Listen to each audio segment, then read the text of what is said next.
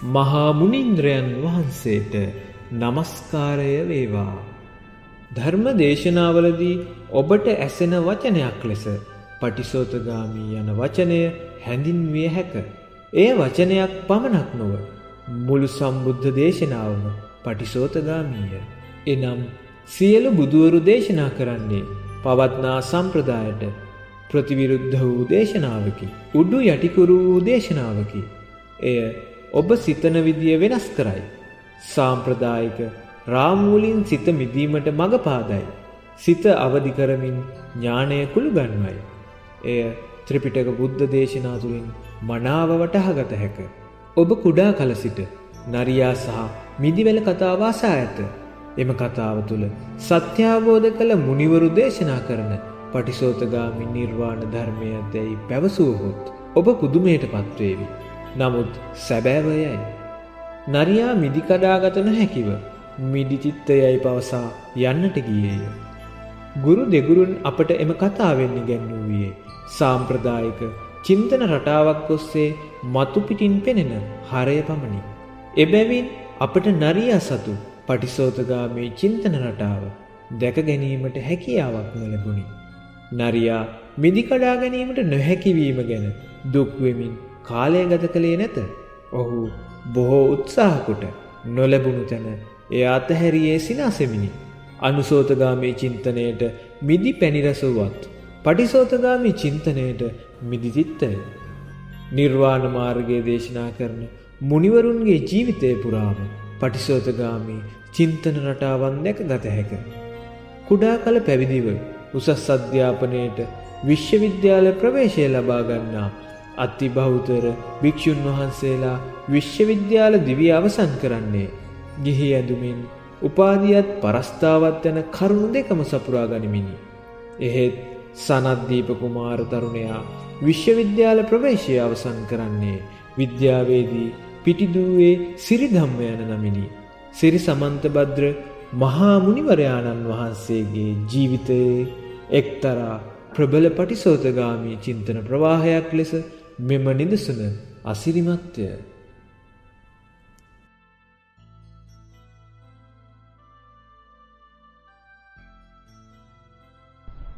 අද ධර්මයේ ශ්‍රවණය කරන්න කලින් මා මේ හැමෝම දන්න පුංචි කතාවක් ආයි මුලපටන් මතක් කරන්න මට සිද්ධ වෙනවා. මේ කතාව හැමෝම අහලා තියෙනවා. හැබැයි මේ කතාව ඇහුවට මේ කතාව ගැන ගැඹුරට කල්පනා කළේ නැති එකයි ප්‍රශ්නේ. මේ කතාවෙන් අපිට කියන්න අදහස් කළේ බුදුහාමුදුරන්ගේ පණිවිඩය. නරියෙක් හිටියලු. නරියෙකුට ඕන වුණාලු මිදි කන්න. නරිය ඇවිදගෙන යනකොට ඒ නරියට හම්බ වුණාලු මිදි වැලක්. ඒකේ තිබුණලු ඉදිච්ච මිදි ගොඩක්. මේ නරියා මොකද කළේ? ඈ මේ නරියා පුළුවන් තරම් වීරිය යොදලා වෙහෙස යොදලා උඩ පැන්නා. මොකටද?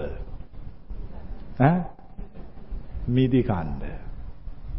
අන්තිමට උඩ පැනලා පැනලා නරියට මිදි කඩා ගන්න බැරි වුණා.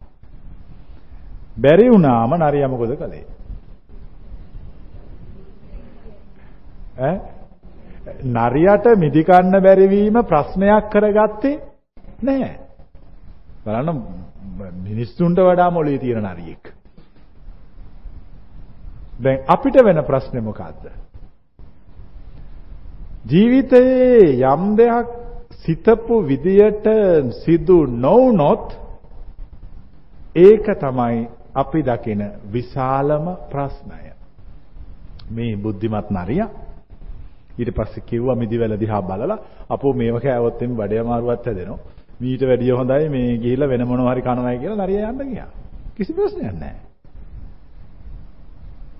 මම ඔය කතාව කිව්වේ හැමෝටම ඕක තමයි අපි මේ ධර්මය තේරුම් ගන්නවා කියලා තේරුම් ගත යුත්තේ.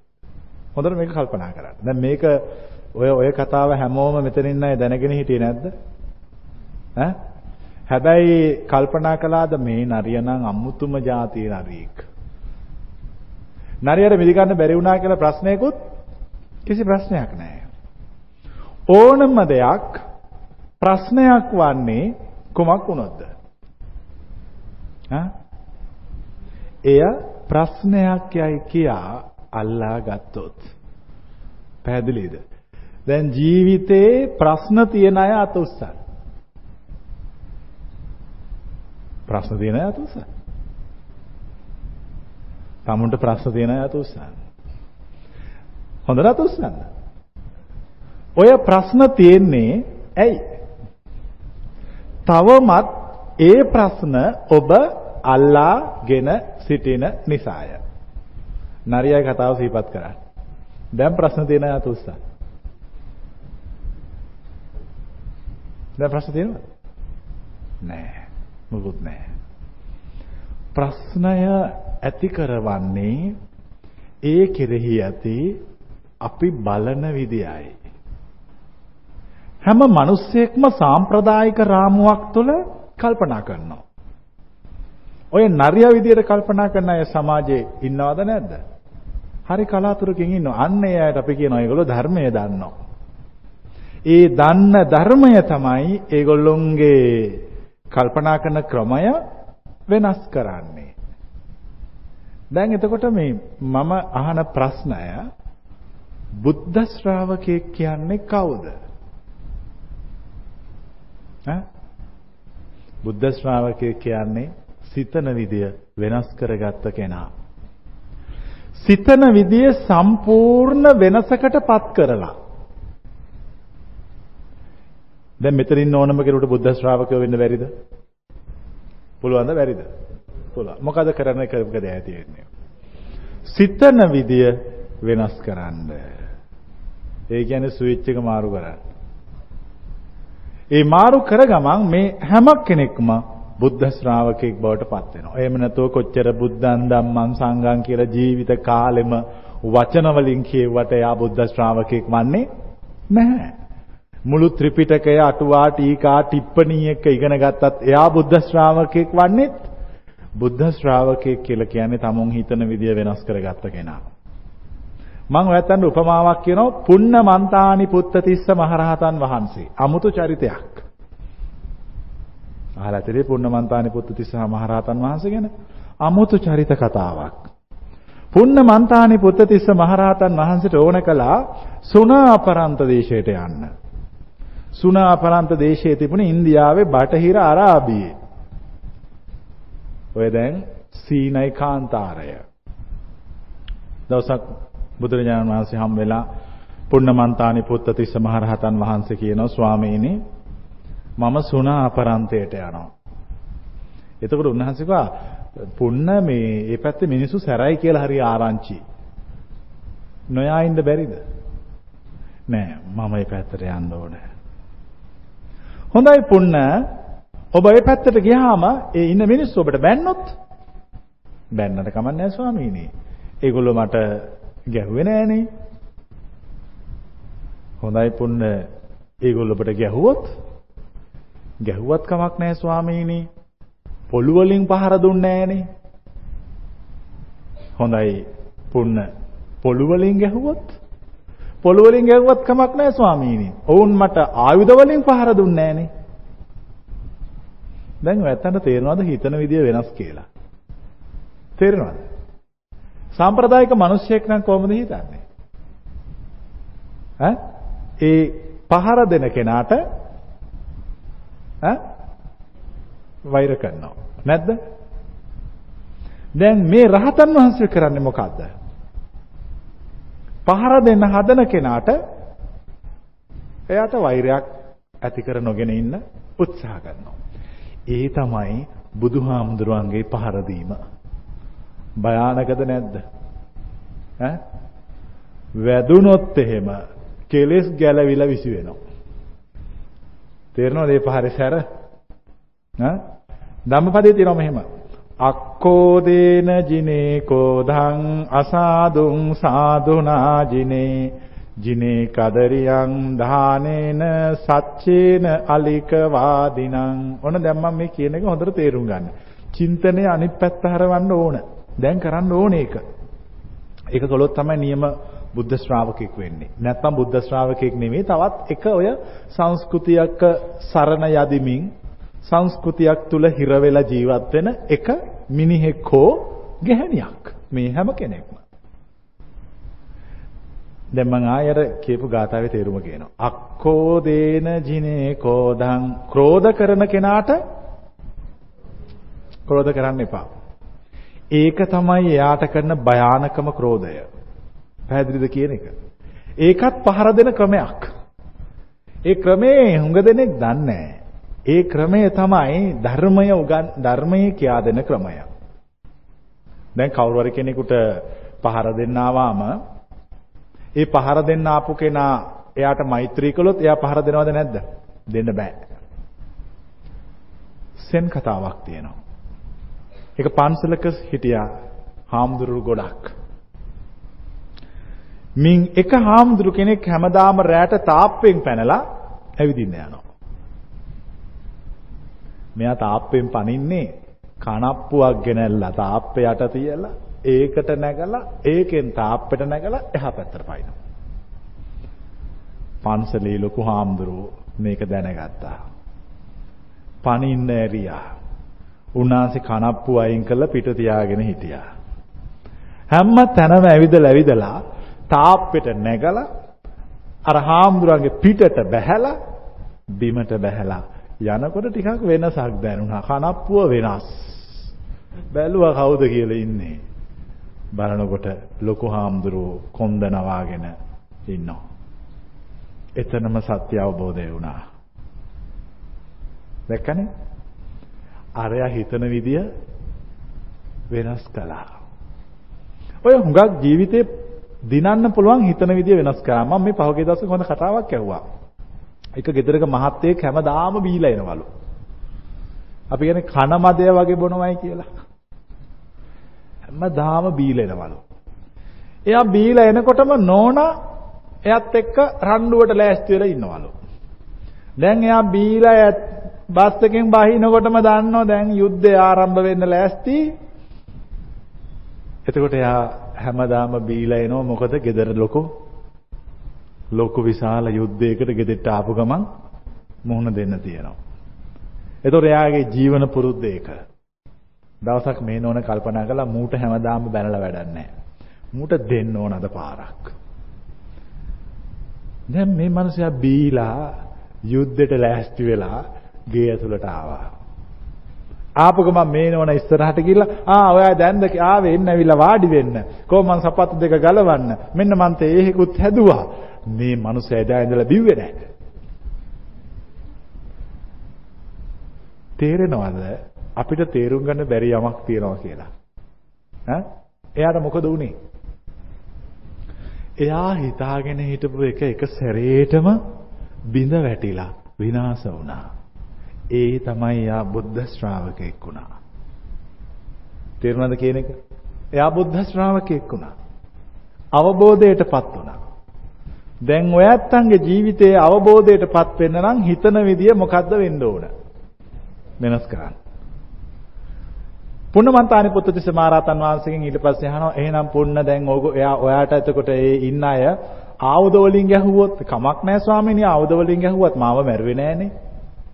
හොඳයි පුන්න වැරදිලාවත් ඔබ මැරුවොත් මැරුවොත්ද? කොච්චර හොඳද ස්වාමීනි? කී දෙනෙක් මැරෙන්න බැරුව දඟලනවද? නැද්ද? කී දෙනෙක් මැරෙන්න බැරුව දඟලනවද? මට ඒක නොමිලේම ලැබුණා අය කියා මා සන්තෝෂයටපත් වෙනවා. දැන් බලන්න පුන්න මන්තානි පුත්ත තිස්ස මහරහතන් වහන්සේගේ චින්තනය තමයි ඕක. ඒ චින්තනය බුදුහාමුදුරුව උගන්වන ඉගැන්වීම. දැන් වැත්තට පැහැදිලිද? දැන් පැහැදිලිද? පොඩි තියෙනවා අපිට තේරුම් ගන්න වෙනස් වෙච්ච දෙයක්. තියෙන ප්‍රශ්නය සාම්ප්‍රදායික රාමුවක් තුල බලනකොට මේ වෙනස අපිට එක සැරේට අවබෝධ වෙන්නේ වැටහෙන්නේ මනස නිදහස් කළා විවෘත කළා බැලුවම අපිට තේරෙනවා අපි හිතන විදිය වෙනස් කළොත් ඒ හිතන විදිය වෙනස් කිරීමම තමයි බුද්ධ ශ්‍රාවකෙක් වීම කියලා කියන්නේ. පැහැදිලි. දැන් පැහැදිලිනේ? දැන් ওই පුන්නමන්තානේ පුත්තිස්ස මහරහතන් වහන්සේ වගේ වෙන්න. දැන් එතකොට අපි හිතමු දැන් ඔන්න මේ ඉන්න අයට මම කියනවා අද හිතන විදිය වෙනස් කරගන්න. දැන් එතකොට මේ හැමෝම හොඳට සවන් දීගෙන ඉන්නවා. මොකද සවන් දෙන්නේ කොහොමද මේ මෙයා කියන එක අහලා අපි හිතන විදිය වෙනස් කරන්නේ. මම ඒකට උපමා කියනවා. උදාහරණ කියනවා. යම් යම් කාරණා පෙන්වා දෙනවා. එතකොට ඒ ටික හොඳට හිතට ගන්න ඕන. ලෝකේ ජීවත් වෙන මිනිස්සු ඔක්කොම හිතන්නේ එකම විදියකට. නැද්ද? ඈ? නැද්ද? එකම විදියකට හිතනවා. එකම විදියකට කල්පනා කරනවා. එකම විදියකට වැඩ කරනවා. ලෝකේ ජීවත් වෙන මිනිස්සු හිතන ඒ එකම විදියට අපි දහමේ නමක් කියනවා. මොකද්ද? මොකද්ද ඒක? අනුසෝතගාමී. හරිනේද? අනුසෝතගාමී. හැබැයි අපි පුරුද්දට අහලා තියෙනවා බුදුදහම පටිසෝතගාමී. ඒ කියන්නේ ස්විච් එක අනිත් පැත්තට හරවලා. ඔය එකයි කියන්නේ.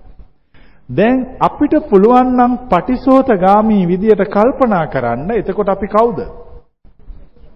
අපේ බුදුහාමුදුරුවන්ගේ ශ්‍රාවකයෝ. එහෙනම් දැන් මේ ඔක්කොම හිතන විදිය එක සැරේට මොකද කරන්න ඕන? වෙනස් කරන්න. හිතන විදිය වෙනස් කරපු ගමන් ජීවිතේ වෙනස් වෙනවා. පෞරුෂය වෙනස් වෙනවා. සියල්ල වෙනස් වෙනවා. තියෙන ප්‍රශ්නය දැන් මේ මේ දැන් මේ හිතන විදිය වෙනස් කරන්න කිව්වහම එන ප්‍රශ්න තියෙනවා. එතකොට අපි කල්පනා කරනවා දැන් මං හිතන විදිය වෙනස් කරනවා. මම දැන් අද ඉඳන් අලුත් විදියට හිතනවා. අලුත් විදියට හිතන්න පටන් ගත්තයින් පස්සේ අර කලින් දේවල් ඈ කලින් දේවල් මට හිමි වෙයිද අහිමි වෙයිද? මොකක් වෙයිද? ආයෙ මම කියනවා දණිය ගෝපාල සූත්‍රය. අහලා තියෙනවනේ? දණිය කියලා. හරක් බලන මිනිස්සෙක් මහීගඟ අසබඩ ජීවත් වෙච්ච. බලන්න අන්න බුද්ධ ශ්‍රාවකයා වෙනකොට අභියෝගේ බාර ගන්න ඕන.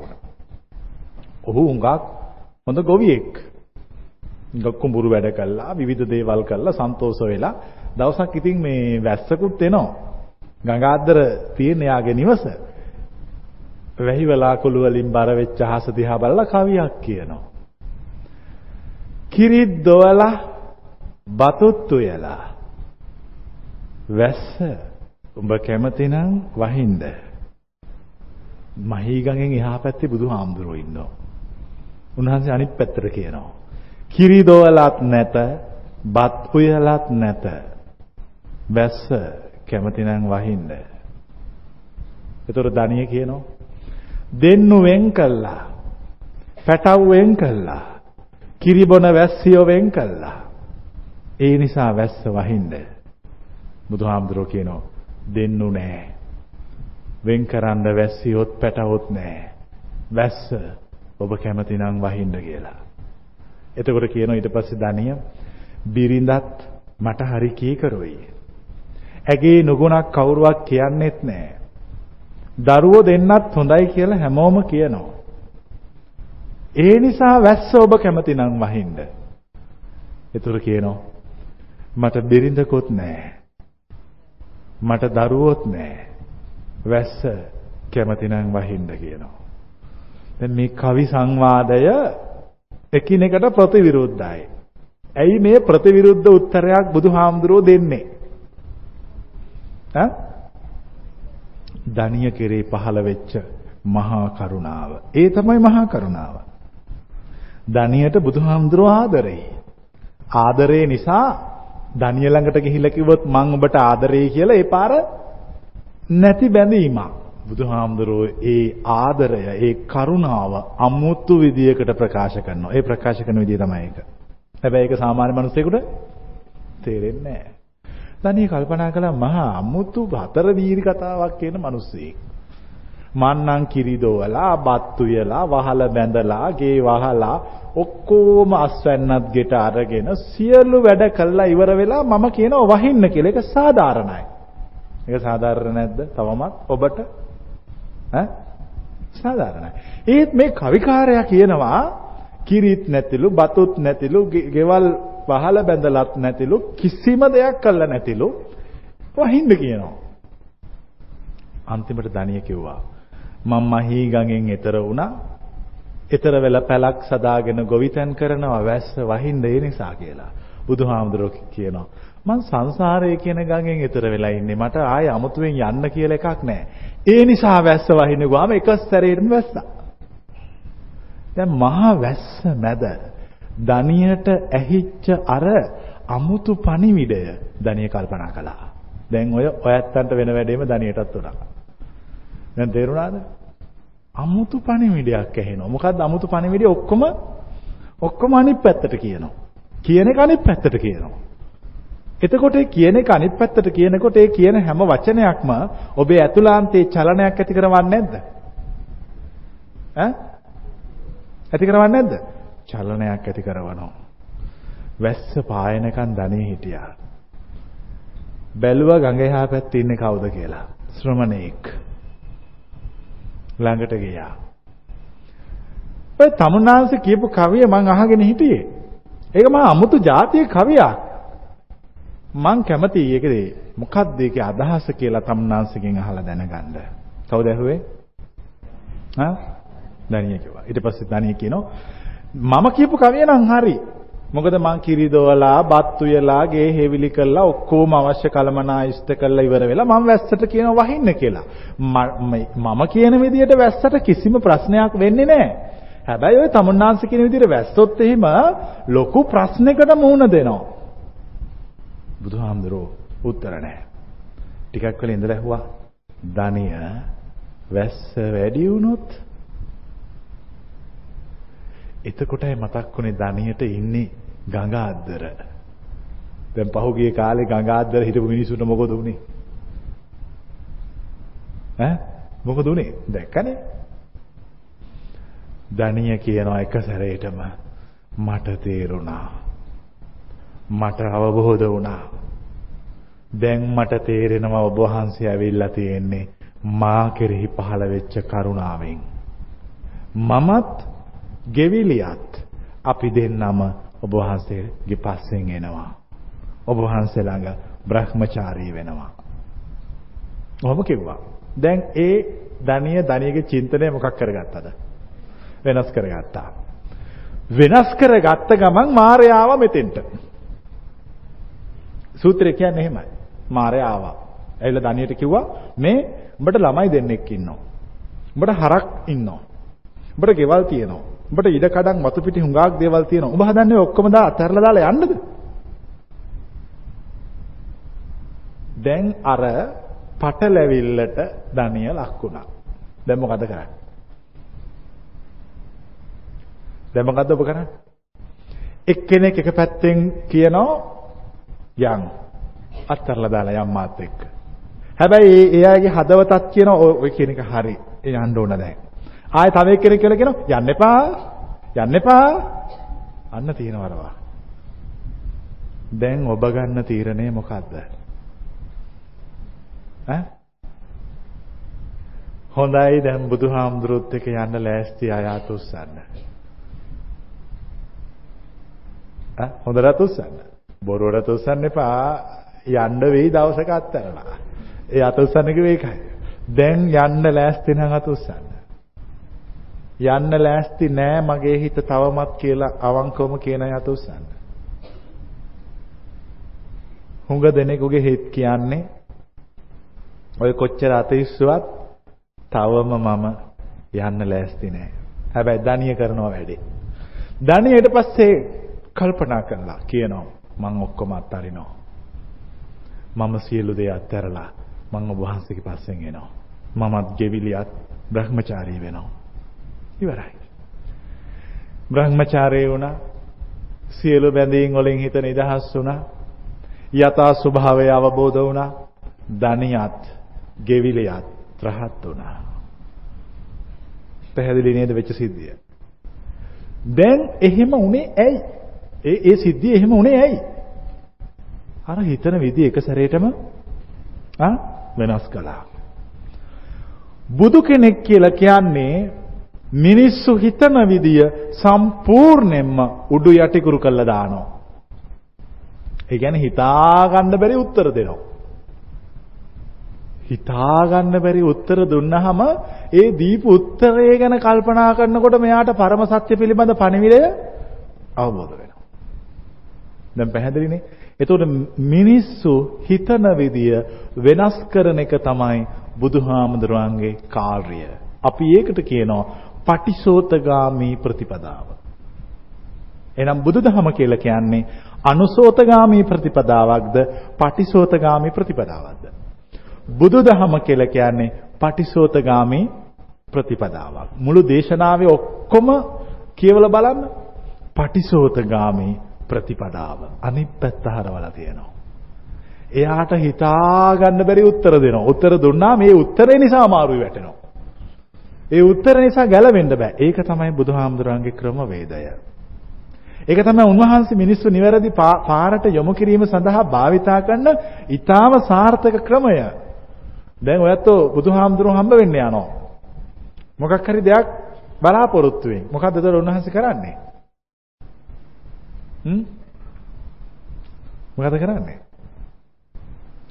මොකක් හරි දෙයක් බලාපොරොත්තුෙන් උන්වහන්සේ හම්බ වෙන්න යනවා. ඒතර උන්වහන්සේ මොකද කරන්නේ? ඒ බලාපොරොත්තුව ඉෂ්ට කරලා දෙන්නේ නැහැ. ලොකු බලාපොරොත්තුවක් තියාගෙන ආවා. ඉෂ්ට කළා දුන්නේ නැහැ. දැන් මොකද වෙන්නේ? ඈ? එයා හොඳ කෙනෙක් නම් එයා තේරුම් ගන්නවා කිසි දෙයක් පිළිබඳ අනවශ්‍ය බලාපොරොත්තු ඕන නැහැ. එතනම අවබෝධයටපත් වෙනවා. වක්කලි හාමුදුරන් ඔක කළේ නැද්ද? කළේ නැද්ද? ලොකු බලාපොරොත්තුවක් බුදුහාමුදුරුව ගැන තියාගෙන හැමදාම බුදුහාමුදුරුව ඉස්සරහින් ඇවිල්ලා වාඩි වෙලා උන්වහන්සේ බණ කියනකොට ලාලිත්‍ය බුද්ධ ලාලිත්‍ය දෙස බලන් ඉන්නවා. කල්පනා කළා මෙයා ඕන් නැති දෙයක් දැන් පටලවා ගන්න හදන්නේ. හොඳටම බෑන්නා. හොඳටම නිඳා කළා. නිඳා කරනකොට මොකද එයාට තේරුනේ? දැන් යා ලොකු බලාපොරොත්තුවක් ඇතුවනේ ඉස්ස. දැන් ඔයත් උතන ඇවිල්ලා වාඩි වෙලා ඉන්නේ ඉස්සරහා ලොකු බලාපොරොත්තු ඇතුව. මං හොඳටම බැනලා බැනලා පළේ යන පස්සට කියලා කිව්වොත් එහෙම පස්සට නෙවෙයි තාත්තම ඇවිල්ලා ගෙදරම යනවා. තේරුණා නේද? හැබැයි කරන්න ඕන වැඩ ඒක තමයි. එතකොට ජීවිතේ ඔන්න ඔය වගේ. අපි ජීවිතේ හුඟක් දේවල් වේවි ලැබේවි කියලා සිහින මවාගෙන ඉන්නවා. ඔය මවාගත්තු සිහින මොකද වෙන්නේ? හරියනවද බිඳ වැටෙනවද? දැන් මෙතෙක් කල් වෙච්ච දේ කියන්න මම කියනකොට උත්තර දෙන්න එපා. මේ හැම කෙනෙකුගේම ජීවිතවල 100ක් හිතුවොත් කීයක් වෙනවද? 100ක් දෙයක් හිතන් හිටියත් සමහරලාට ඒකක්වත් වෙන්නේ නැහැ. දැන් ඒ එකක්වත් වෙන්නේ නැති එක හොඳද නරකද? ඈ? හොඳයි කියන අයතුස්ස. හරි පුදුම මිනිස්සුනේ. ජීවිතයේ දේවල් තමුන්ගේ බලාපොරොත්තු ඉෂ්ට වෙන්නේ නැත්නම් ඒක හොඳයි කියලා කියනවා. දැන් ඔයත් දන්නවද? මම තුසිත දිව්‍ය ලෝකෙට ගිහිල්ලා මේ පණිවිඩය කියලා අත උස්සන්න කිව්වනම් ඔක්කොම මොකද කරන්නේ? ඉන්න ඔක්කොම අත උස්සනවා. ඇයි? ඒ ඔක්කොම ඉන්නේ ඒ වගේ අය. ඒ කියන්නේ කවුද ඉන්නේ? ධර්මය අවබෝධ කරගත්ත අය. අචින්ති තම්පි භවති චින්තිතම්පි වෙනස්සති. ඕක තමයි ජීවිතේ හැම කෙනෙකුගේම. මොකද්ද අචින්ති තම්පි භවති. නොසිතුවක් සිද්ධ වෙනවා. චින්ති තම්පි වෙනස්සති. සිතු දේවල් නොසිදුවක් නොසිතුව දේ සිදු වෙනවා. සිතූ දේ සිදු වෙන්නේ නැහැ. ඕක වෙලා තියෙද නැද්ද? ඈ? ඕක වෙලා නැද්ද? මොක වෙනවා? ඕක තමයි ඔබට යන්න ඕන පාර නිවැරදිව විවෘත කරන්නේ. දැන් මෙතන ඉන්න හැමෝටම ජීවිතයේ සියලු බලාපොරොත්තු අරමුණු සාක්ෂාත් වෙන්න පටන් ගත්තොත් මේ අය ඒ ඉෂ්ට වෙන අරමුණු වලට ඇලෙනවද ඒකෙන් අයින් වෙනවද ඈ ඇලෙනවා ඒවට ඇලෙනවා එකක් ඉෂ්ට වුණාම ඊළඟ එකෙත් හිතන් ඉන්නෝ අර කලින් එක වෙච්ච විදියටම මේකත් ඉෂ්ට වේවි කියලා. හැබැයි ඉෂ්ට වේවි කියලා හිතාගෙන ගියා මේක ඉෂ්ට වෙන්නේ නැහැ. එහෙම වෙලා නැද්ද ජීවිතේ? ඈ අන්න කල්පනා කරන්න වෙලාව. දැන් මනස විවේකයටපත් කරගෙන හිතන්න. ඇයි මෙහෙම වෙන්නේ? ඇයි මේ අපි හිතන දේවල් ඒ විදියටම සිද්ධ නොවෙන්නේ? එහෙම වෙන්නේ නැහැ. එහෙම වීමේ අවශ්‍යතාවයකුත් නැහැ. දැන් එහෙනම් ඔයත්තන්ට තේරෙනව නේද? සිතන දේවල් ඒ විදියට වෙන්නේත් නැහැ.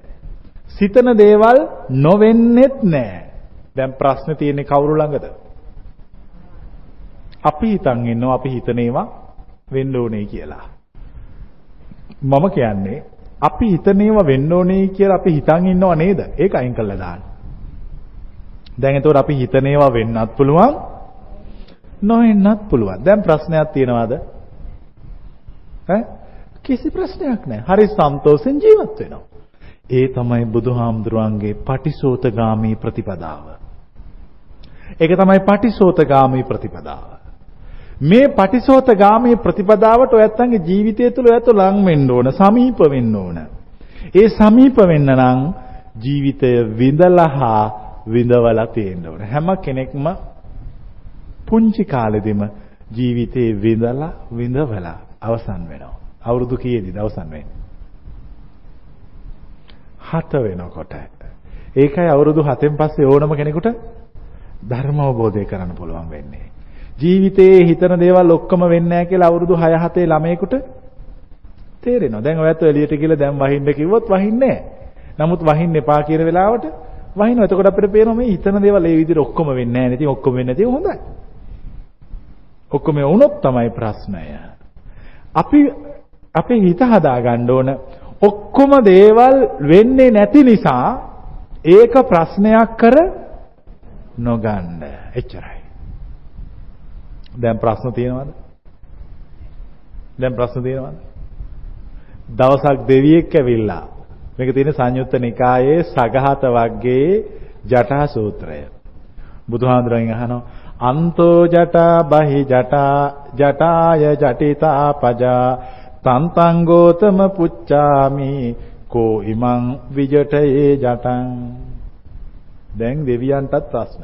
දැන් ඒ කියන්නේ මේ මිනිස්සයෝ ඉන්න මානසික ස්වභාවයේම තමයි දෙවියොත් ඉන්නේ මනස නිවුනට ප්‍රශ්න ඒගොල්ලන්ටත් තියෙනවා. ඒ කියන්නේ මේ නිවැරදි ධර්මෝබෝධයට ඒගොල්ලෝපත් වෙලා නෑ. දැන් ඔයත් උන්ගෙන් අත උස්සලා මට කියන්න ජීවිතේ ප්‍රශ්න ඉවර කරන්න පුළුවන් කෙනෙක් ඉන්නවනම් අත උස්සන්න. ප්‍රශ්න තියෙනවා.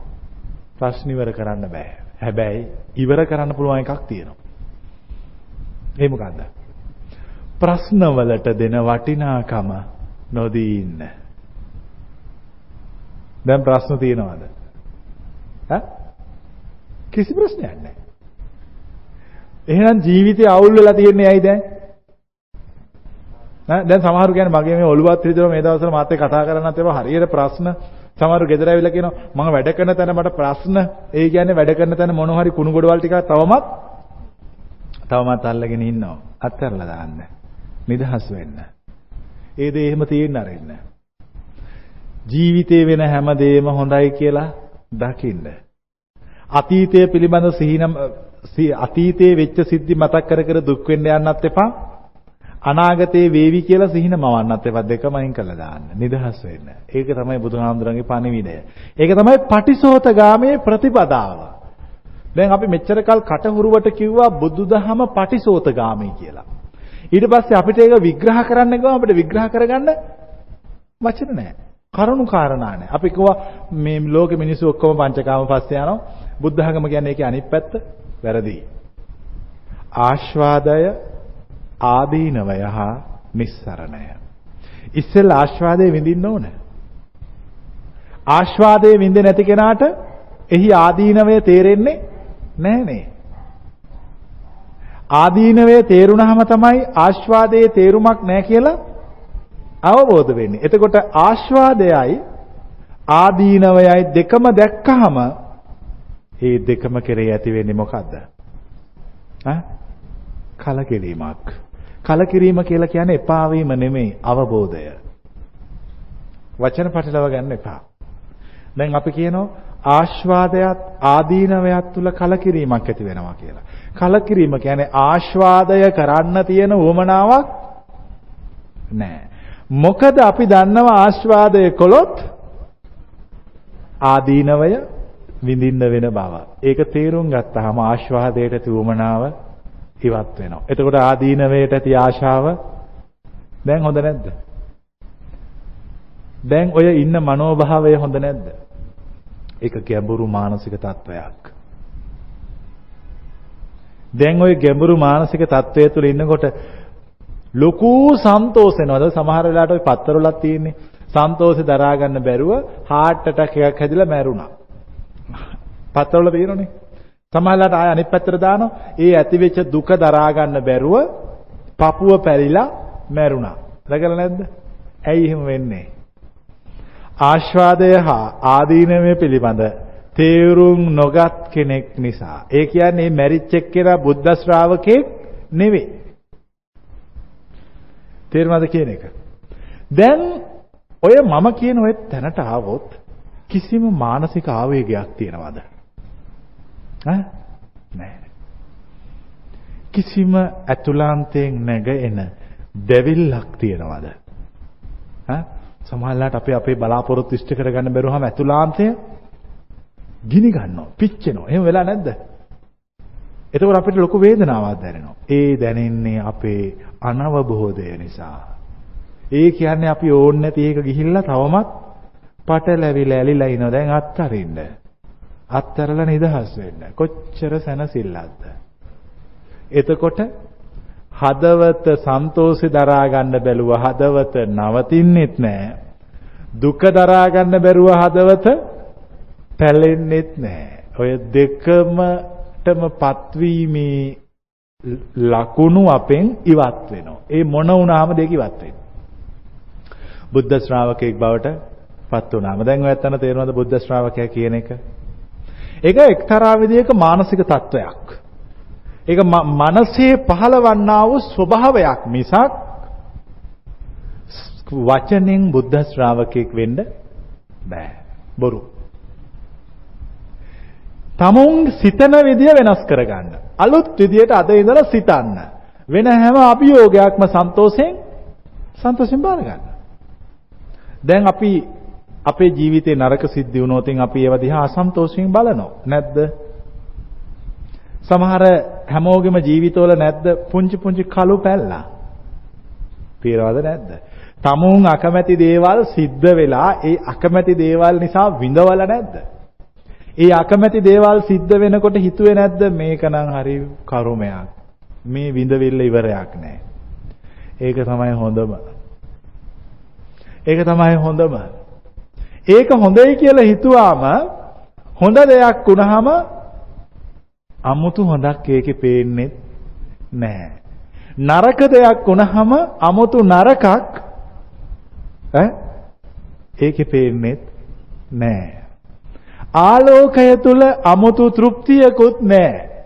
අන්ධකාරය තුල කඩාවැටීමකුත් නැහැ. මම මේ කියන එක තේරෙනවද? ඈ සුදු කියලා විශේෂයකුත් නැහැ. කළු කියලා පසුබැසීමකුත් නැහැ. දිග කියලා අල්ලා ගැනීමකුත් නැහැ. කොට කියලා අත්හැරීමකුත් නැහැ. දැන් මොකද නැත්තේ? ඈ ලෝකේ තියෙන ওই දේවල් දෙක විතරයි. දිත්වයක්. පැහැදිලිනේ? මෙච්චර කල් හැප්පුණේ මොකක් තේරුම් ගන්න බැරුවද? ඔය දිත්වය තේරුම් ගන්න බැරුව. ඔය දිත්වය තේරුම් ගත්ත කෙනාට අපි කියනවා බුද්ධ ශ්‍රාවකයා. බුදුහාමුදුරුවන්ගේ ශ්‍රාවකයා. දැන් තේරුණාද කියන එක? දිත්වයක් තියෙන්නේ. ගෑනෝ පිරිමි. බලන්න ඕන එකක් කියන්නේ හැම එකක්ම තියෙන දිත්වය. සැබෑම බෞද්ධයෙක් වෙනවා කියන්නේ බුද් කියන්නේ ආලෝකය. එළිය ඒ එළිය ඔබේ ඇතුළාන්තේ තියෙනවා. ඒ එළියටපත් වෙන්න නම් කරන්න ඕනේ මේ ditthවය තේරුම් අරගෙන ditthවෙන්ම මනස ඉවත් කරන එක. දැන් මෙච්චර කාල අපි ජීවත් වෙනවා කියලා කලේ මොකද්ද? ඔය එකකට ගිහිල්ලා ආ දැන් සන්තෝෂය කියලා කිව්වේ ඔය එක ස්වභාවයක්. දුක කියලා කිව්වේ තව ස්වභාවයක්.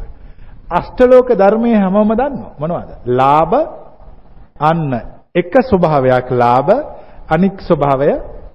බුද්ධ ශ්‍රාවකයාගේ ස්වභාවය කුමක්ද? ලාභ අලාභ ඉදිරියේ.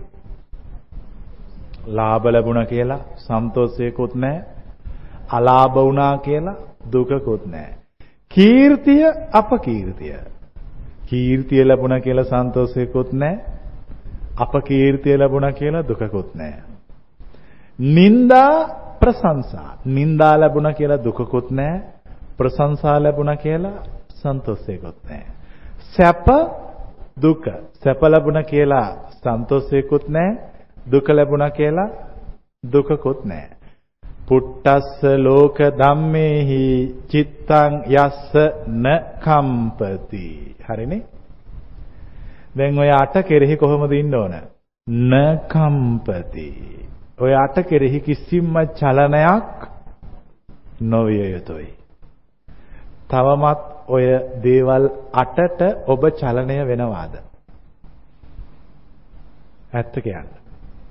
ඔය දේවල් අටේදී චලනය වෙනවාද?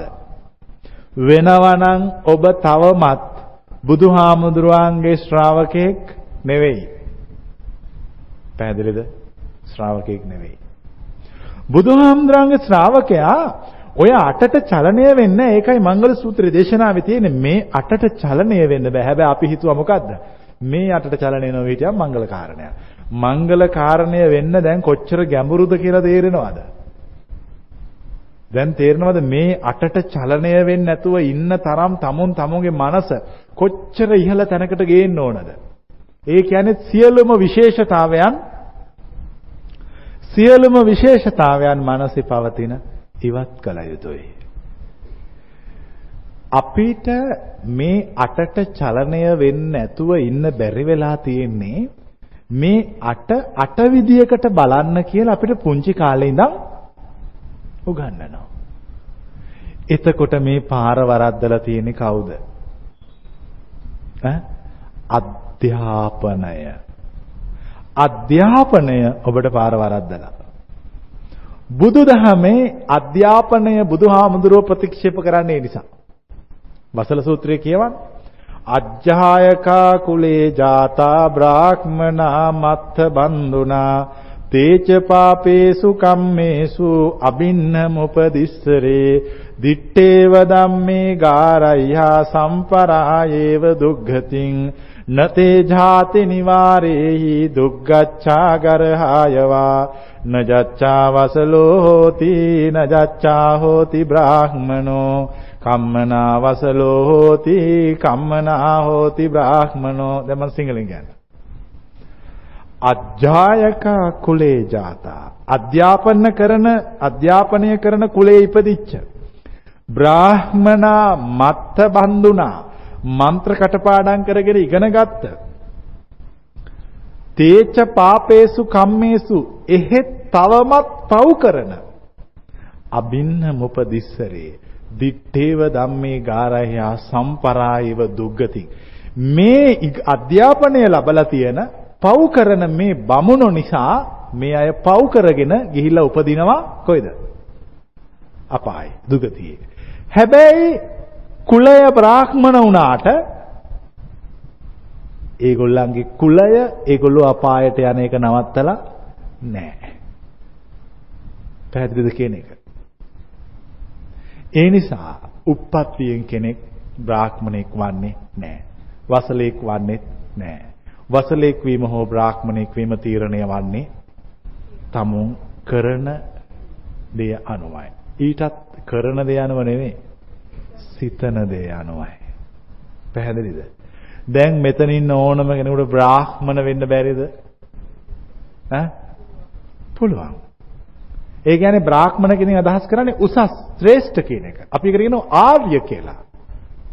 අපි බුදුහාමුදුරන්ගේ ශ්‍රාවකෙක් වුණාම එයාට ආමන්ත්‍රණය කරන්නේ ආර්ය જાතියේ ඉපදිච්ච කෙනා. ඒකනේ අඟුලිමාල සූත්‍රයේ තියෙන්නේ. අඟුලිමාල රහත් වුණා. දැන් අඟුලිමාල මහරහතන් වහන්සේ. ජීවිතයේ යථා ස්වභාවය අවබෝධ කරගත්ත කෙනෙක්. කිසිම දෙයකට කිසිම විශේෂතාවයක් නැහැ. හැම දේ දිහාම ගැඹුරු උපේක්ෂාවකින් බලන්න පුරුදු වෙලා සිත නිවි පහන් වෙලා සීවලී මාතාවට ළමයෙක් ලැබෙන්න අමාරුවෙන් ඇවිදගෙන යනවා. අඟුලිමාල මහරහතන් වහන්සේට අනුකම්පාවක් හැදුනා සීවලී මාතාව කෙරෙහි. ගිල බුදුහාමුදුරන්ට කිව්වා ස්වාමීනි සීවලී මාතාව හරි අමාරුවෙන් ඉන්නේ. බැරිද අපිට පිහිට වෙන්න? පොළොවේ අඟුලිමාලා මොකද කරන්න ඕන? කවදාකවත් සංසාරේ සතෙක් මැරුවේ නෑ කියලා කියන්න. එතකොට කියනවා මට එහෙම කියන්න අමාරුයි. මම මිනිස් වනෝ නම දෙනෙක් මරපු කෙනෙක්. එහෙනම් අඟුලිමාල කියන්න මේ ආර්ය જાතියේ ඉපදිච්ච දාපටන් කිසි දවසක සතෙක් මරලා නැහැ කියලා. ඒ කියන්නේ අඟුලිමාල මැරිලා මොකක් වෙලාද? ඉපදිලානේ. තේරෙන්නේ නැද්ද කියන එක? අඟුලිමාල මැරිලා ඉපදිලා. කවදාද අඟුලිමාල මැරුණේ? මම අහන ප්‍රශ්නයක්. කවදාද අඟුලිමාල මැරුණේ? ඈ? ඈ? අර පස්සෙන් දිව්වේ. දුවල කිව්වේ කෑ ගහලා කිව්වේ නැවතියන් කියලා. ඒකට දීපු උත්තරේ අහලා මැරිලා වැටුණා. දැන් එතකොට හිතා ගන්න උත්තරේ කොච්චර භයානකද කියලා. මැරිලා නැගිට්ටේ කවුද? රහතන් වහන්සේ කෙනෙක්. ඒ අහපු උත්තරේ අහලා මැරිලා වැටුණා. ඒකයි කිව්වේ අඟුලිමාල ආර්ය જાතියේ ඉපදිච්ච දාපටන් සතෙක් මරලා නැහැ කියලා කියන්නේ. ඒක තමයි අදත් මොකක් කියලාද කියන්නේ? අඟුලිමාල පිරිත. පත් වෙලා තිනේ. යතෝහං භගිනී අරියාය ජාතියා ජාතෝ නාබිජහනාමි සංචිච්චපානං ජීවිතං ඕරෝපේතා තේන සච්චේන සොත්තිතේ හෝති සොත්ති ගබ්බස්ස ආර්ය જાතියේ ඉපදිච්ච දාපටන් කවදාකවත් සතෙක් මරලා නැහැ. දැන් මම ප්‍රශ්නයක් අහනවා. මෙතන ඉන්න අයට මැරිලා ඉපදෙන්න බැරිද? මොකද වෙන්න ඕන එහෙනම්? ආ ඔය සිතන විදිය වෙනස් කරන්න. පටාචාරාව මැරිලා ඉපදුනා. එක වචනයයි පටාචාරාවට මැරිලා වැටෙන්න කිව්වේ. මොකද්ද කියපු වචනේ? නැගණිය සිහියෙන් ඉන්න. එච්චරයි. එතනම පටාචාරාව මැරිලා වැටුණා. අලුතෙන් නැගිට්ටේ මනස අලුත් කරගත්ත, චින්තනය වෙනස් කරගත්ත කෙනෙක්.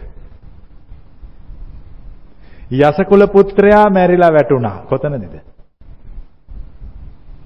යස බොහොම සැපට හැදිච්ච තරුණයෙක්නේ. කොච්චර සැපද කියනවනම් කකුල් වල යටිපතුල් වල රෝම තිබුණාලු. උඩු මහලෙන් බිමට බහින්නේ නැහැ. එච්චරට සැපට ජීවත් වුණා. මෙහෙම ඉඳගෙන ඉනකොට මෙයාට මේ සැප කෙරෙහි ඇති එහි ආදීනවය තේරුමක් නැති බව අවබෝධ වුණා. අත්තරලා දාලා කියෝ කියෝ යනවා.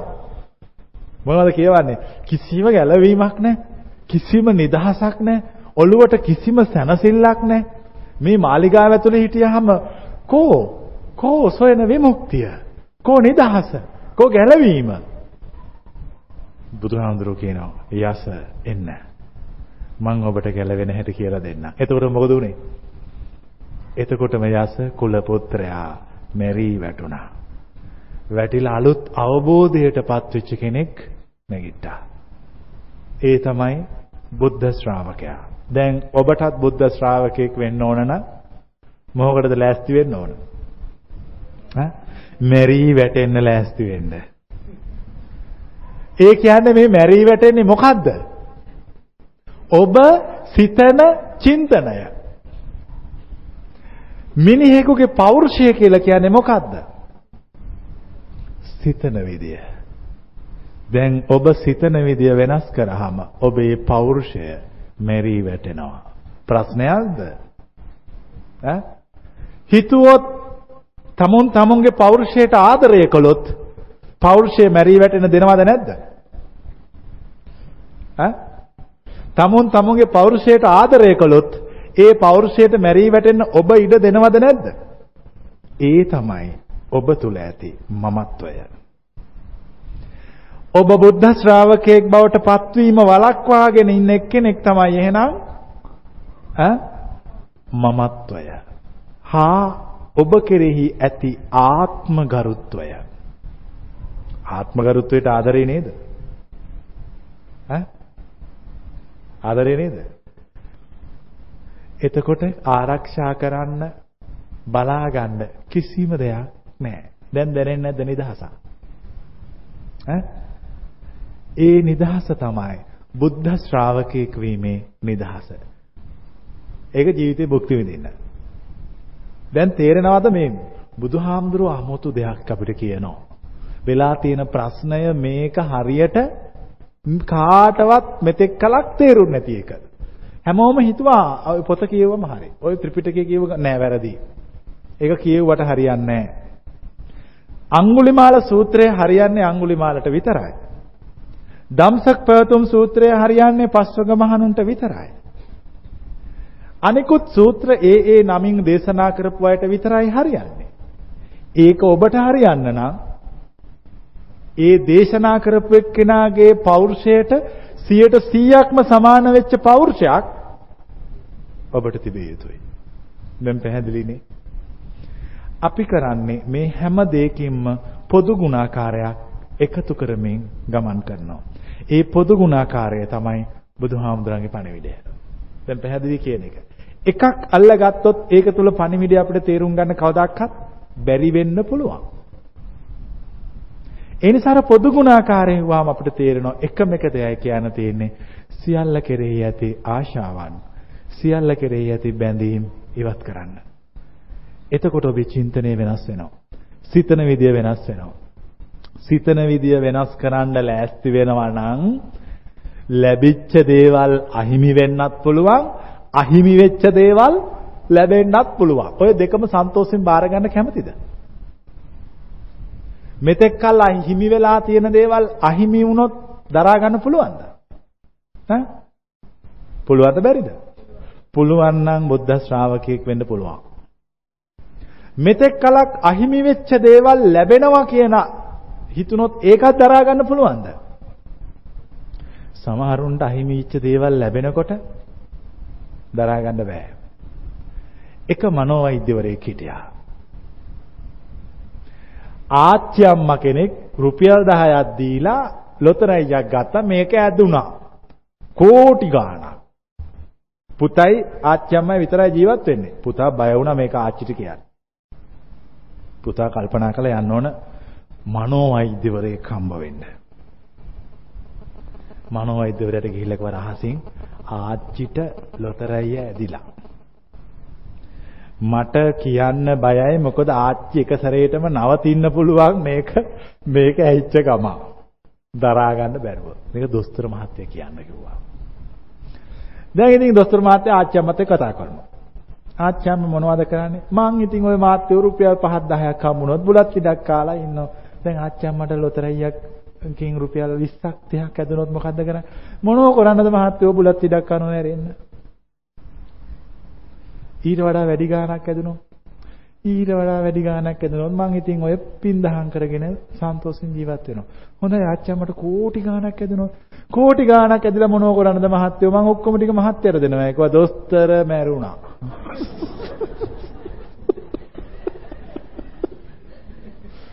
මම කියන්නේ ඒකයි සමහර දේවල් ලැබීම් මිනිස්සුන්ට දරා ගන්න බෑ.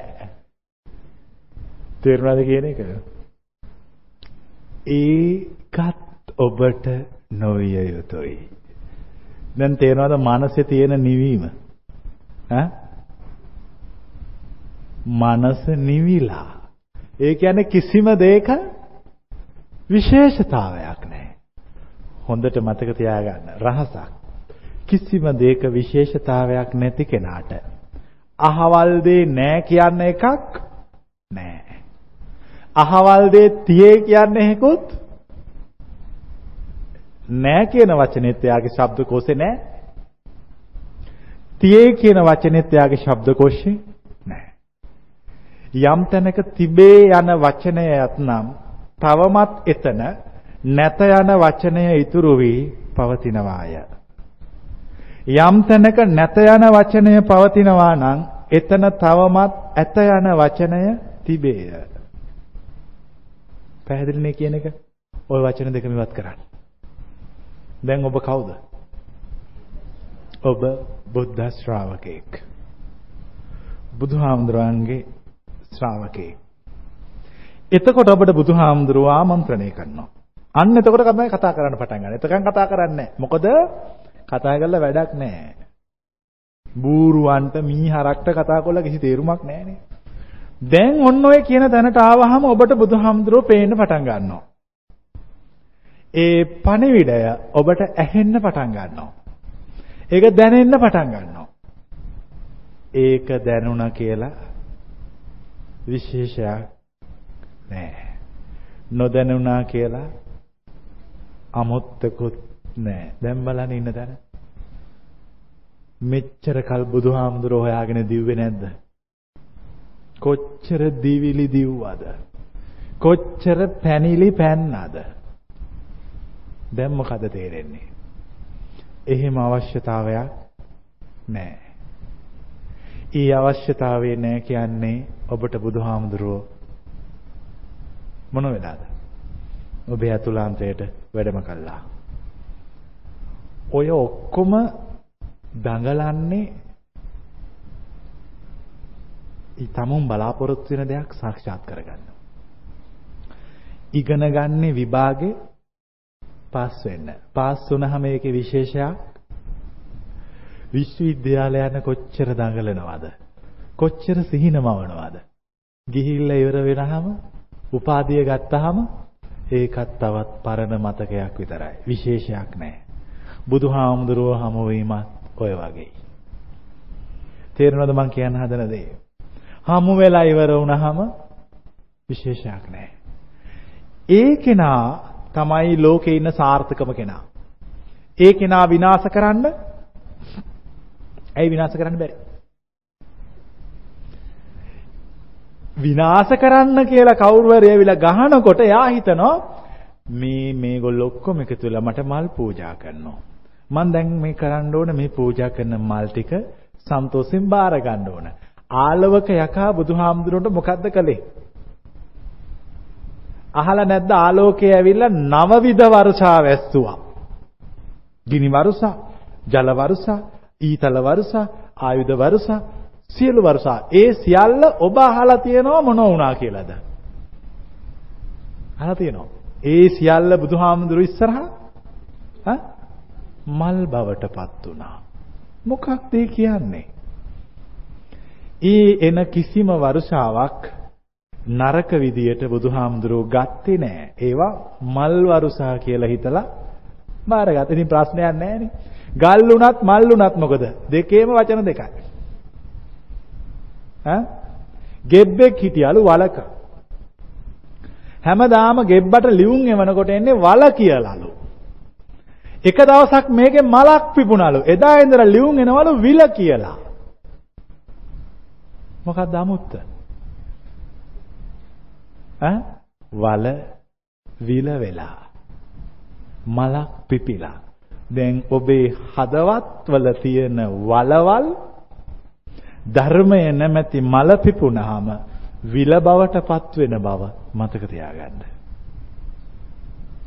ඒ මල පිපෙන්න අවශ්‍ය කරන පණිවිඩය විතරයි මට කියන්න පුළුවන්. පැහැදිලිද මං කියන එක? ඉන් එහා මට ඔබ පිළිබඳව අයිතියක් නැහැ. ඔබේ ගැලවුම්කාරයා විමුක්තිදායකයා ඔබමයි. ඔබේ ආධ්‍යාත්මය තුල පවතින වල විලක් කර ගැනීමේ පරිපූර්ණ නිදහස අයිතිය වගකීම පරමාධිපත්‍ය සබාදහම විසින් ඔබට පවරලා තියෙනවා. වල විලක් කරනවද වලක් ලෙස තියෙන්න දෙනවද? ඈ වල විලක් කරන්න. මොකද කරන්න තියෙන්නේ? වලට ඉස්පිල්ලක් දාන්න එච්චරයි. හරි ලේසි. ඒ කියන්නේ චින්තනය වෙනස් කරන්න. tamunt එන සියලු බාධක අභියෝග තමයි ජීවිතේ වටිනාම දේවල් කියලා බාර ගන්න. එතකොට එයා පරාජය කරන්න පුළුවන්ද? බෑනේ. පරද්දන්න බෑ. පරද්දන්න හදන මිනිස්සුම පරාජයටපත් වෙලා විනාශ වෙනවා. චින්චිමානවිකාවට දේවදත්තට උනේ ඒකයි.